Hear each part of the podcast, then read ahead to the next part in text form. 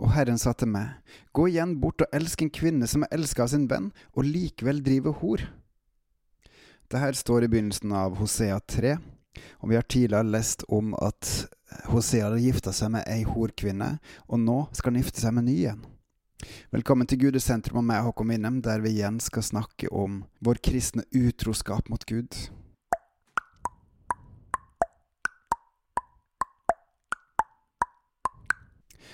Kapittel tre er et veldig kort kapittel, og la oss nå lese så å si hele. Og Herren sa til meg, altså Hosea, gå igjen bort og elsk en kvinne som er elska av sin venn og likevel driver hor, like som Herren elsker Israels barn, men de venner seg til andre guder og elsker rosinkaka. Og det her var altså brukt da i avgudsdyrkelsen av Baal. Da kjøpte jeg meg en slik kvinne for 15 sekkelsølv og en homerbygg og en letekbygg. Og jeg sa til hun, i mange dager skal du få sitte alene her hos meg, du skal ikke få drive hor, du skal ikke ha med noen mann å gjøre, på samme vis skal jeg bære meg att mot deg. For i mange dager skal Israels barn sitte uten konge og fyrste, uten offer og billedstøtte, uten livkjortel og husguder. Israels synd mot Herren på denne tida var mektig stor. De tilba andre guder, og de tilba ikke Gud. Og Gud hadde jo fra Abraham av utvalgt seg dette folket, Abrahams slekt, til å være hans utvalgte ett.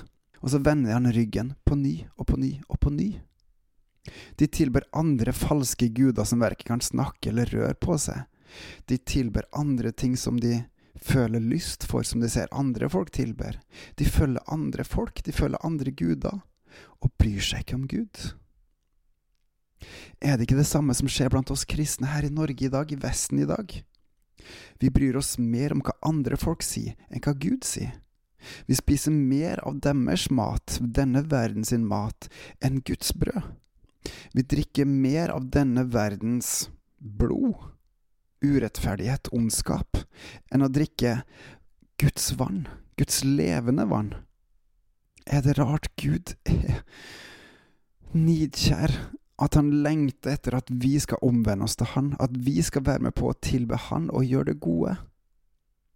Og på lik måte som Israelsfolket har vendt seg vekk fra Gud og tilber andre guder, så tilber vi i dag andre guder, og vi ser det ikke. Akkurat som da. Vi trenger å vende om. Fra å leve etter denne verden, til å leve i denne verden for Herren. Det siste verset i Hosea 3 viser oss Guds enorme nåde overfor oss. For hvorfor tok han vekk alt det gode, alt dette som Israelsfolket tilba og som de så opp til? Hvorfor tok han det vekk?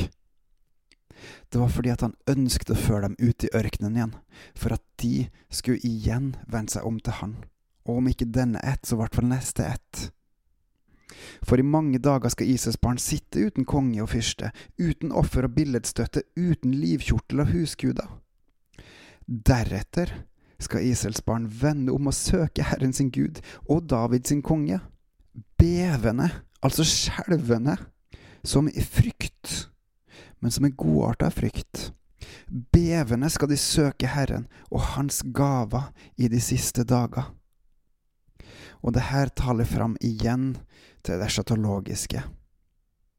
Når Gud skal komme igjen, og han skal kalle sitt folk til seg, og de skal omvende seg til han, og gi han ære. Og Gud skal utøse sine gaver rikt, rikt, rikt over de, sitt folk, sitt opprinnelige folk. Og samtidig så finnes det en stor hemmelighet i Nytestamentet.